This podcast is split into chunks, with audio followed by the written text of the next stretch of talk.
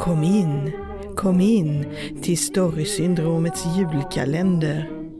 Här dyker vi ner i folktrons land och berättar sanna historier från förr.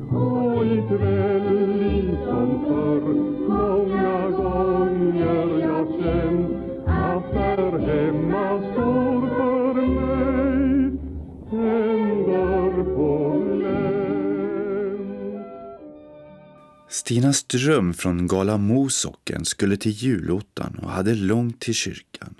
Därför gick hon redan på julafton hem till bekanta som bodde i kyrkbyn. Där fick hon sova över i en kammare med utgång till förstugan.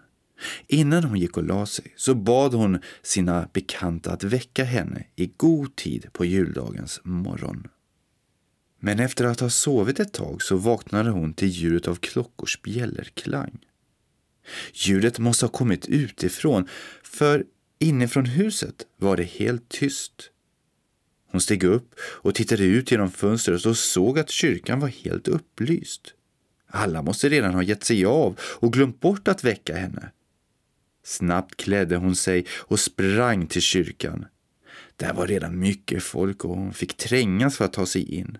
Väl inne var det fullsatt, men hon hittade en plats långt bak. När hon såg sig om kunde inte hon se någon hon kände igen. Och prästen stod redan vid altaret och orgeln började spela. Stina tyckte nog att hon kände igen melodin, men orden de lät så främmande. Här dansar vi med vita ben och svarta. Huhu, huhuru kall och tung är jorden. Den ska vi nappa och den ska vi plocka utan att vax eller talg förtärs och veken ej svartnar. Kom ej och stör den andakt vi behöva, då skall vi ron och friden från er röva.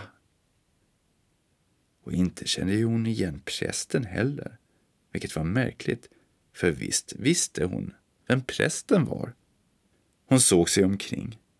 Framför henne satt en man som tre dagar innan skjutit sig själv ute i skogen. På andra sidan gången en kvinna som hon visste hade dött för flera år sedan. Och längre fram i kyrkan kunde hon se sin egen far som varit död i många år och bredvid henne satt hennes gamla gudmor som för länge sedan varit död. Var jag inte din gudmor, väste hon åt Stina, skulle jag bita näsan av dig. Då förstod Stina att hon hamnat på de dödas julotta. Iklädda likskjortor sjöng församlingen med ljudlös stämma så att sången inte hördes och omkring dem stod ett sken som om man dragit ett vitt kläde över dem. Stina satt kvar till predikan var över och ännu en psalm spelades som hon inte kunde. Men sen reste hon sig försiktigt för att smyga iväg. Men då var det som att alla där inne vred på sina huvuden och stirrade på henne. Då sprang hon iväg. Hon hann till kyrkporten innan döingarna ryckte kappan av henne och hon kom undan med en hårsmån. Och på morgonen, när solen gick upp, låg blå avrivna tygstycken från kappan spridda över gravarna. Du har lyssnat på Storysyndromets julkalender lucka 24 av och med författarna Kristina Hård och Henrik Pettersson.